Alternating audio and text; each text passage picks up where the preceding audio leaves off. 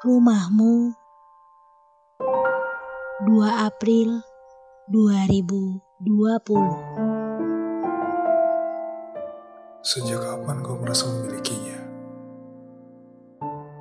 Siapa saja di dalamnya? Apakah kau ingat? Saat Tuhan memberikan kesempatan dulu, jangan lupakan. Kapan saja Tuhan akan mencabut setiap kenikmatan dari hidupmu, dari ragamu. Bahkan nyawamu pun hanya pinjaman.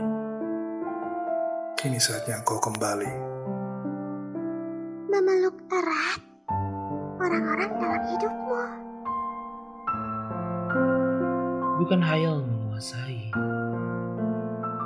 tapi berikan dengan Cukupkan rasa menguasai si dunia. Tidakkah kau lihat di luar sana? Tak semua orang seberuntung dirimu. Yang bisa di rumah saja tanpa perlu memikirkan makan apa hari ini.